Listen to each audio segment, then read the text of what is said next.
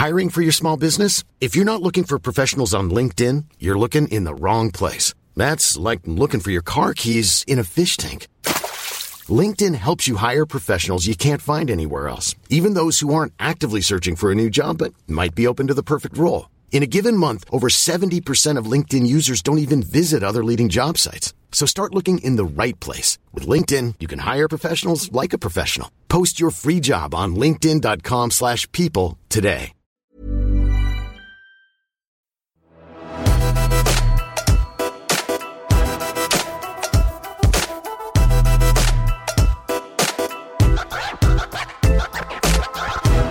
I 2021, altså i år, så kom det på plass nye og ganske så strenge regler for eh, droneflyving. Vi må registrere oss, vi må ta kurs, vi må bestå eksamen, og vi må betale en, eh, eller tegne da, en forsikring for da å få lov til å drone på lovlig vis. Og ikke minst så må vi jo da forholde oss til et ganske strengt regime når det kommer til hvor vi får lov og hvor vi ikke får lov til å drone. En regel derimot som har vært på plass lenge når det kommer til droneflyving, det er regler om hvor nært opp til militære anlegg eller flyplasser, nasjonalparker osv. vi får lov til å drone. Og den regelen handler jo da om fem kilometer. Spesielt strengt er det å fly i Oslo Oslo, og da spesielt i Oslo sentrum, hvor det er mer eller mindre flyforbud. Punktum. Luftfartstilsynet har derimot uh, gjort det mulig å få dispensasjon til å fly i Oslo sentrum, men da heter det at det skal ligge til grunn et samfunnsnyttig formål, og søknader vil da innvilges for spesifiserte datoer, og maksimalt da for en periode på en måned. Og det er det åpenbart ikke alle som er klar over. Og det er lett å se hvis man f.eks. stikker innom Instagram da for å bli inspirert, og så få inspirasjon f.eks. til å besøke Oslo. Selv om vi da per dags dato i utgangspunktet ikke skal reise, så er det jo fortsatt lov å la seg bli inspirert, og kanskje begynne å planlegge for da, til å komme på besøk til Oslo. Og en av de Instagram-kontoene som spesielt markedsfører Oslo, ja, det er Visit Oslo, som er Oslos offisielle reiseguide. Og Visit Oslo har også satt seg skikkelig godt inn i reglene knytta til det å drone. Hvor de bl.a. på sin egen nettside skriver på siden 'Regler for bruk av droner' at hvis du ønsker å filme eller ta bilder med drone, så vær oppmerksom på at dette ikke er lov alle steder i Norge. Og her har da Visit Oslo også lagt da inn et kart fra Luftfartstilsynet som viser hvor det ikke ikke er lov til å drone. Eh, merk dog at Vigelandsparken er akkurat utafor flyforbudssonen, så her er det ikke ulovlig, gitt at du da ikke flyr over folkemengder, ikke flyr lenger unna enn at du kan se dronen, og ikke høyere enn 120 meter, blant annet. Og på Visit Oslo sin nettside for regler når det kommer til droning, så skriver de også at brudd på regelverket kan bli bøtelagt. Her om dagen for nå kommer jeg til poenget, her om dagen så dukket det opp et dritfint dronebilde over Oslo, tatt ovenfor operaen, altså fra vannet og inn da mot uh, Oslo, med fantastisk skue da over uh, Barcode og uh, operaen da i forkant. Og den hadde da Visit Oslo delt på sin Instagram-konto, hvor de har fått da, mens jeg spiller inn, 5328 likes. Og det her er ikke et bilde som uh, Visit Oslo har tatt selv. Det er tatt av Jansjev, eller Dimitar Jansjev, som Bulgarien heter. Og som han skriver på sin egen Instagram-profil, så elsker han å ta bilder og filme med små digitale dingser. Som f.eks. da en drone. Det bildet han tok selv, det fikk 76 hjerter på Instagram, men uh, det ble delt videre da av Visit Oslo. Helt sikkert fordi han da bl.a. hashtagget bildet med Visit Oslo. Altså Nå gjør jeg et poeng av at bildet er ulovlig. Altså Visit Oslo har delt et bilde som er tatt ulovlig over Oslo. Inne på denne flyforbudssonen. Så fremst da ikke Dimitar Jansjev har skaffet seg da dispensasjon fra regelverket fordi hans passion for dronebilder har et samfunnsnyttig formål. Det tviler jeg sterkt på. Derfor syns jeg det er rart at eh, Visit Oslo deler det bildet her, uansett hvor fint det er.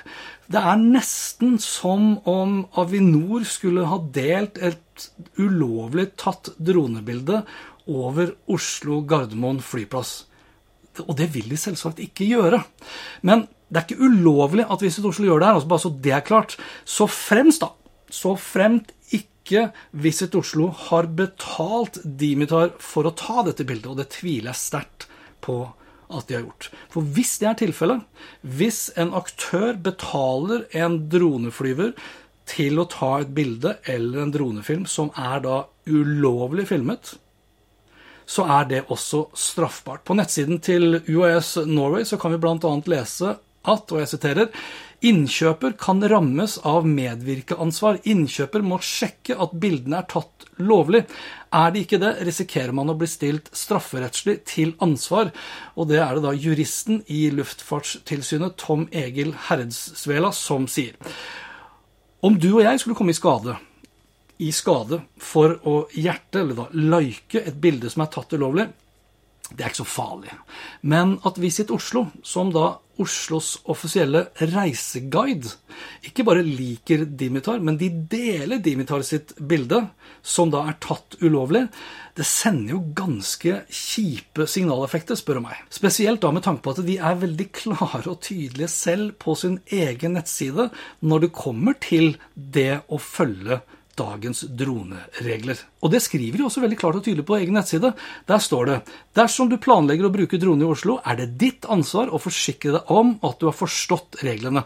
Dersom du er usikker på hvordan reglene skal tolkes, kontakt Luftfartstilsynet. Merk at profesjonelle og kommersielle aktører uansett må søke Luftfartstilsynet om tillatelse.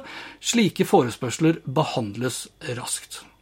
Altså, Visit Oslo må være sitt ansvar bevisst om å ikke dele og således da markedsføre bilder og videoer som blir tatt ulovlig. Altså Deling av slike ulovlige bilder det er jo kun med på å legitimere ulovlig droning, og definitivt ikke en del av mandatet til Visit Oslo, som da er Oslos offisielle reiseguide. Skjerpings!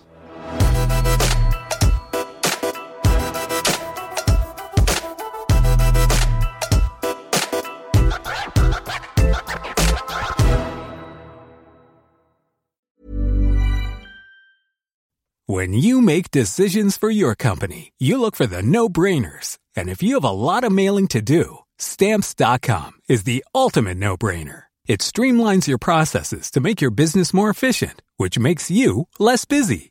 Mail checks, invoices, legal documents, and everything you need to keep your business running with stamps.com. Seamlessly connect with every major marketplace and shopping cart. Schedule package pickups and see your cheapest and fastest shipping options from different carriers with rates up to 89% off USPS and UPS rates. And with the stamps.com mobile app, you can take care of mailing and shipping wherever you are. Make the same no-brainer decision as over 1 million other businesses with stamps.com. Sign up with code program for a 4-week trial plus free postage and a free digital scale. No long-term commitments or contracts. That's stamps.com. Code program. As humans, we're naturally driven by the search for better. But when it comes to hiring, the best way to search for a candidate isn't to search at all. Don't search, match with Indeed. When I was looking to hire someone, it was so slow and overwhelming.